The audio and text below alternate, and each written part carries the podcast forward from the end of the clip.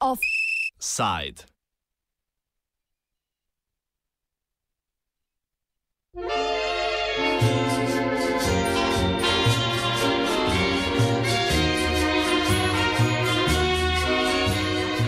Kdo se boji črnega moža? Samo jednom se ljubi. Koroška katoliška crkva je v petek zavrnila prošnjo Hrvaške škofovske konference, da bi ta vodila mašo zadušnico na žalni slovesnosti v spomin žrtvam povojnih pobojev pri Plibergu na avstrijskem Koroškem. Zato so se uradno odločili zaradi politične instrumentalizacije prireditve, ki naj bi škodila ugledu katoliške cerkve.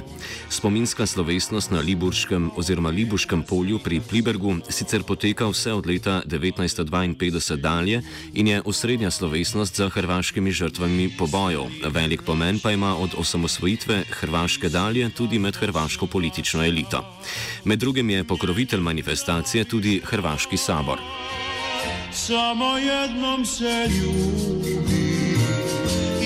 Spomenik na Libuški gmajni pri Pliberku obeležuje dogodke, ki so potekali po kapitulaciji Nemčije v drugi svetovni vojni in po kateri so pripadniki zavezniških sil jugoslovanskim partizanom izročili poražene pripadnike hrvaške vojske, ustaše in domobrance. Zaporniki so bili na to prisiljeni v pešačenje iz okolice Pliberka proti jugu. Veliko jih je bilo tudi žrtev pobojev, v večini sicer v jugoslovanskih krajih.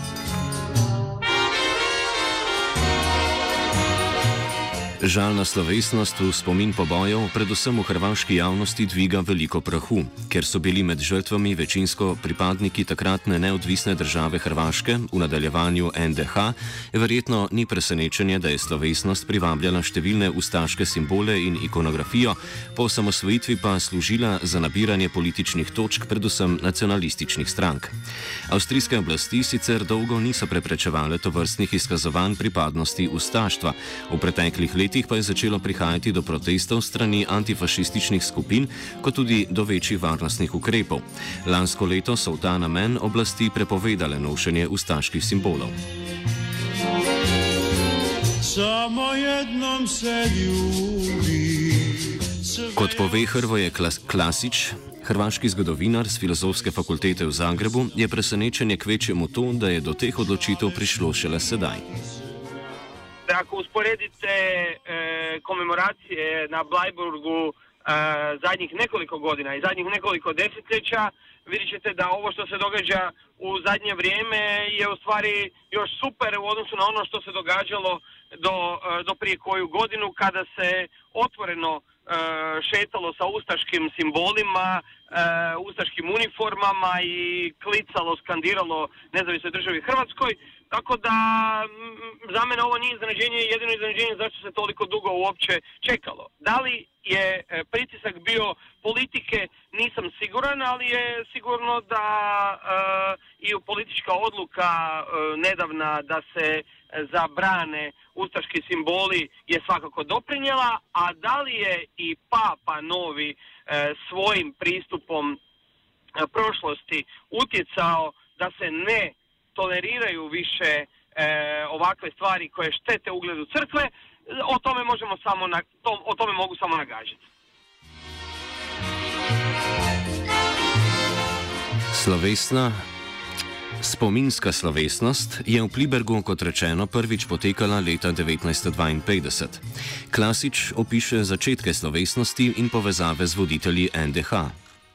Jedan od glavnih organizatora e, je jedan svećenik e, katolički koji je inače zanimljivost, dakle on je bio osoba pred kojom je prva vlada nezavisne države Hrvatske na čelu sa Antom Pavelićem položila zakletvu, odnosno prisegu. E, on je inače kasnije imenovan, e, čak je proglašen, dakle njegovo ime je Vilim Cecelja, on je čak e, dobio čin potpukovnika, a e, bio je i zamjenik Alojziju Stepincu kao vojni vikar, dakle dušebrižnik vojske nezavisne države Hrvatske i kao takav je napisao čak jedan molitvenik za hrvatske vojnike u kojem jedna od molitvi je molitva posvećena Anti Paveliću da ga Bog poživi njega i njegovo zdravlje i dostojanstvo i tako dalje. E taj Vilim Cecelja je dakle pobjegao iz Jugoslavije i bit će u Austriji će ostati živjeti. On zajedno sa nekoliko bivših ustaških oficira i vojnika će u stvari e,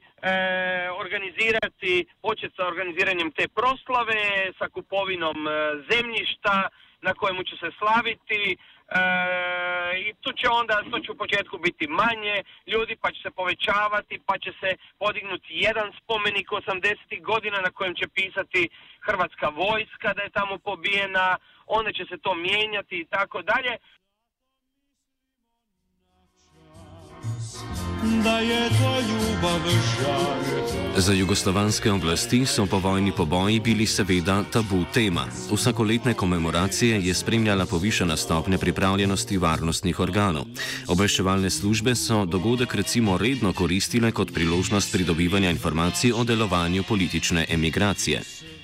E, jugoslavenske vlasti su naravno na to reagirale negativno e, iz razloga koji je evidentan. Dakle, tamo su se e, okup, počeli okupljati ljudi koji su između oslog komemorirali žrtvu, odnosno koji su ukazivali na zločin o kojemu se u Jugoslaviji nije pričalo, tu nema spora, ali su s druge strane nisu izražavali svoje žaljenje ili odricanje od e, ustaštva, od nezavisne države Hrvatske, tako da samim time je već e, e, to bilo na nekakvom udaru jugoslavenske jugoslavenskih vlasti, a s obzirom da su neki e, u Austriji, pa između oslog i Vilim Cecelja, bili dobro upoznati, mnogi će reći čak da su i sudjelovali u organizacijama nekih e,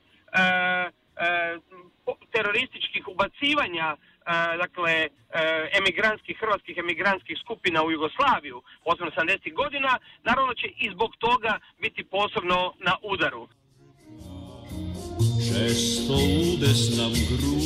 Odnos Avstrije do plibrške slovesnosti in s tem do Jugoslavije se je skozi desetletja spreminjal. Med drugim sta bili državi v 70-ih letih v dobrih odnosih, kar pomeni, da so na avstrijski strani stopali z določeno previdnostjo. Več o tem in o odnosu Avstrije do neodvisne Hrvaške po letu 1991 klasič. Odnos avstrijske politike je bil tako, zavisi kako kada. Dakle, u samom početku 50-ih, kao što znate iz austrijske povijesti, Austrija do 55. godine je e, u jednom čudnom režimu, dakle, te jedne e, zemlje koja je između istoka i zapada i u stvari od 55. godine govorimo o nekakvoj punoj neovisnosti Austrije. Međutim, taj odnos je ovisio često o tome e, ko, je dola, ko je bio na vlasti, pa recimo kada Bruno Krajski, dakle kao ljevičar, e, postaje ministar vanjskih poslova i kada postaje predsjednik vlade, kada se Austrija približava Jugoslaviji, e, dakle Jugoslavija Uh, Titova Jugoslavija i Austrija će 60. godina imati jako dobre odnose i 70. godina. Naravno da, se, da je tada i Austrija pazila da baš ne izaziva Jugoslaviju, ali ne samo da ne izaziva, nego dakle pazila je da se e, elementi fašizma i nacizma ne pojavljuju. E, u tom svjetlu treba gledati i ovo, e, o, ovo što se zadnje događa, dakle kada su u Koruškoj na vlasti e, ljevičari, dakle socijalistička partija, onda je naravno taj odnos puno osjetljiviji, puno konkretniji, da tako kažem, prema bilo kakvom isticanju nostalgije prema ustaškom režimu, ali to ne znači ni da austrijska desnica nije osudila i nije dopustila da se prema ovim obilježjima i prema općenito prema tom dijelu hrvatske povijesti da ima nekakvog razumijevanja.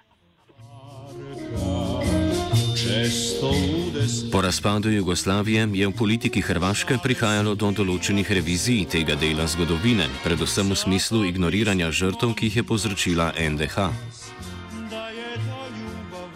Situacija se bitno mijenja 90-ih, nakon proglašenja samostalne Hrvatske, kada to postaje jedno uh, onako mjesto uh, na kojem se eto uh, moglo, uh, gdje, gdje, gdje se uh, uh, re, e, revidirala e, povijest i to je ono što danas u Hrvatskoj nažalost imamo, da u stvari mnogima nije jasno ko je u stvari bio Hrvatska vojska i da nije jasno e, da je Ustaški pokret ili se država Hrvatska da su u stvari zločinački projekti.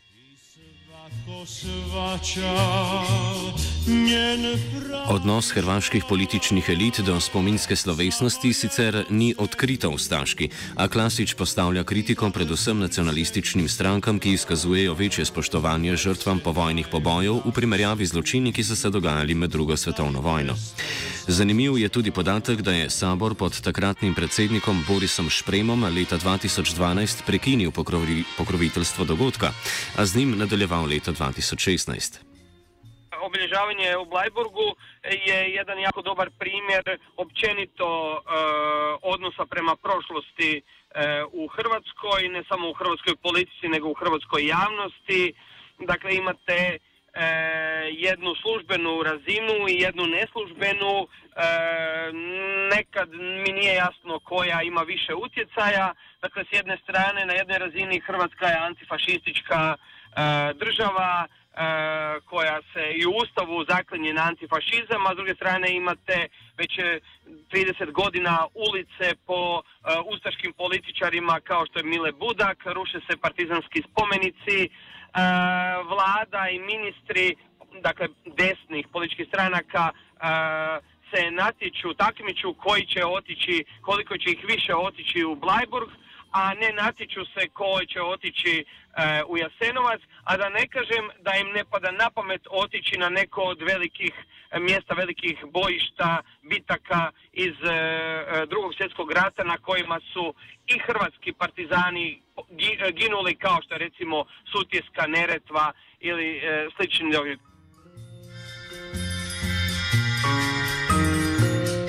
Odločitev krške škofije, da prepove izvajanje maše, sicer ne pomeni tudi prepovedi slovesnosti kot take.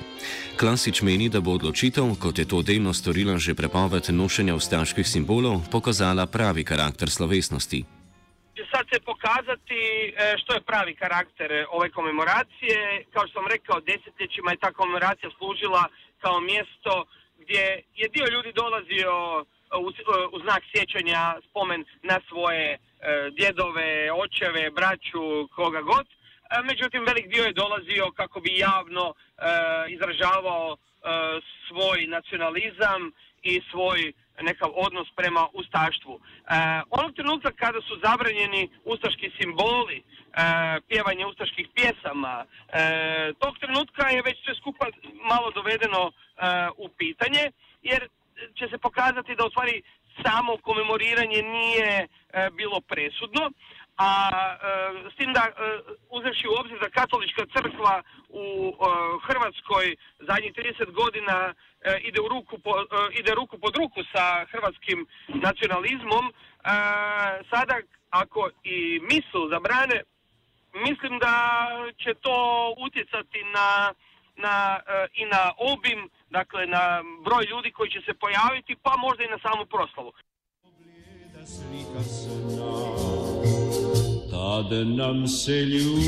Zaradi prepovedi Maše se pojavlja tudi vprašanje, če bo spominska slovesnost potekala drugje, naprimer v katerem slovenskem kraju. Zahtjevi ali predlozi, da se e, prebaci v Slovenijo, dakle oko Maribora, Otezno, ali e, da čak v Zagrebu bude, to ćemo vidjeti, jer mislim, Iskreno rečeno, ili ovako gledajući povijesno, u samom Blajburgu se zbilja na polju Blajburgskom se ništa i nije dogodilo, dakle nikakvi zločini, e, nego su zločini počeli kada se prešlo e, e, u Sloveniju, odnosno u Jugoslaviju.